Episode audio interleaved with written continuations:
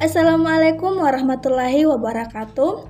Halo para pendengar setia Radio Perempuan Darurat Siaga COVID-19 Sipurenu dan teman-teman di mana pun kalian berada. Senang sekali rasanya saya Vivin hadir kembali menemani para pendengar setia Sipurenu FM dalam acara Telso Perempuan. Nah, gimana nih kabarnya di hari ini? Semoga sehat selalu ya. Untuk itu, jangan lupa menjaga kesehatan dan imun tubuh ya. Apalagi di masa pandemi ini kita harus benar-benar menjaga kesehatan. Jadi, jangan lupa pesan ibu ya, yaitu 3M. Mencuci tangan menggunakan sabun dengan air yang mengalir, memakai masker, dan tak lupa untuk menjaga jarak. Pendengar Stasi Purno FM, di sini kita sudah bersama salah satu narasumber kita yaitu Ibu Harmawati S. Kepnars, salah satu perawat di Puskesmas Pulau Sabutung. Nah, beliau akan menjelaskan apa itu kesehatan reproduksi. Sebelum itu, jangan ke mana-mana dulu ya. Saya akan kembali setelah lagu berikut. Selamat mendengarkan.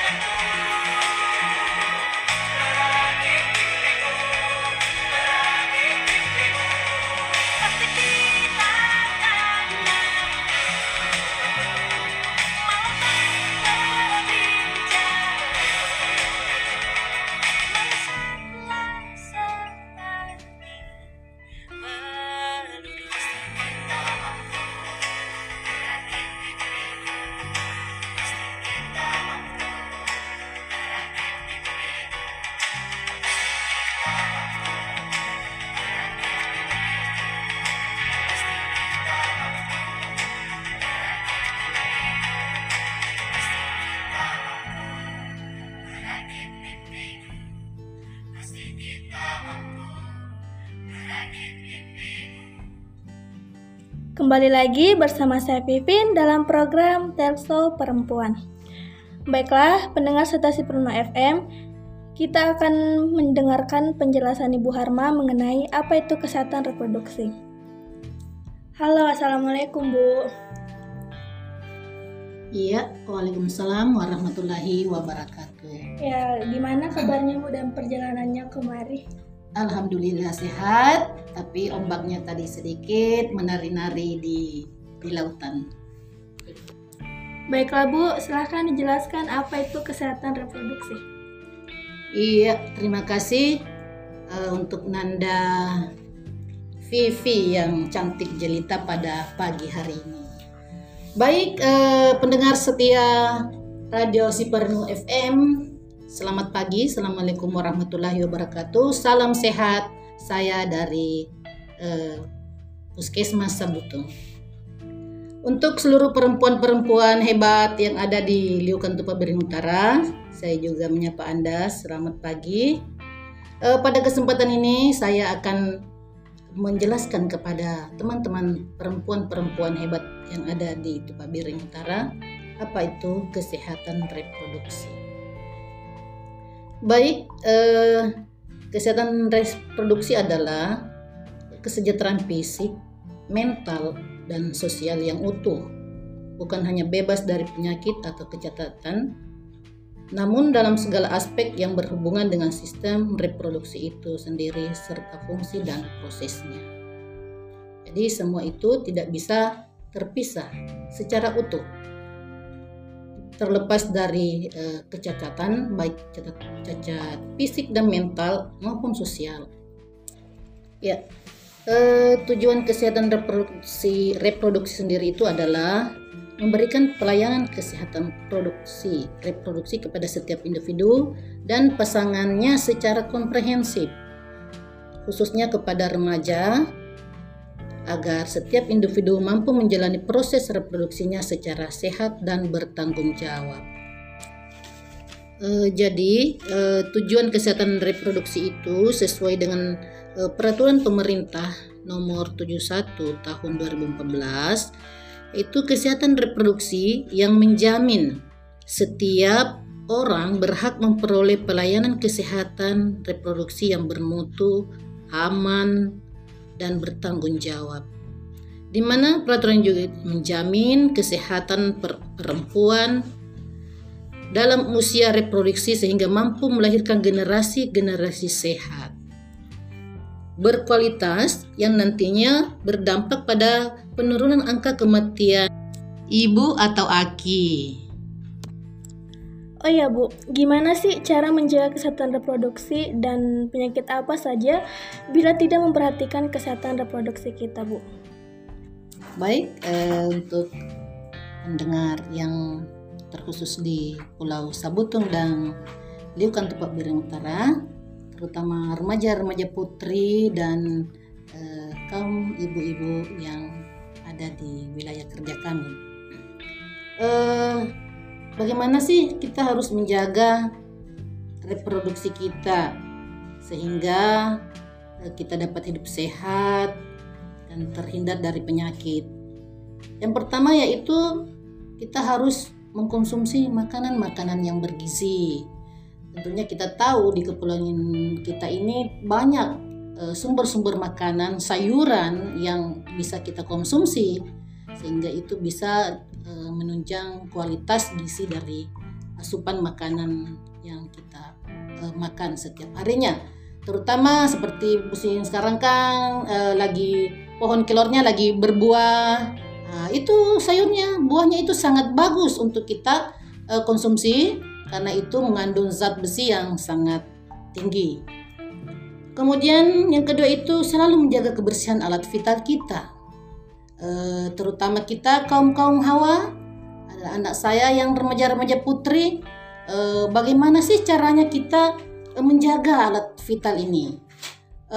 Seperti misalnya kalau kita lagi menstruasi atau datang bulan, eh, sebaiknya kita itu mengganti eh, pembalut kita minimal tiga kali sehari.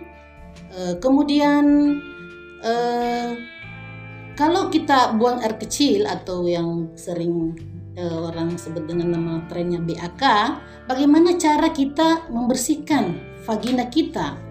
Cara cebok kita yang baik dan betul, yaitu mulai dari depan ke belakang. Ya, jadi kalau kita uh, cebok atau habis uh, buang air kecil atau buang air besar, kita harus menggunakan cara ini, yaitu mulai dari depan ke belakang karena tujuannya itu adalah bakteri yang ada melalui feces tidak ikut ke depan ke liang vagina kita.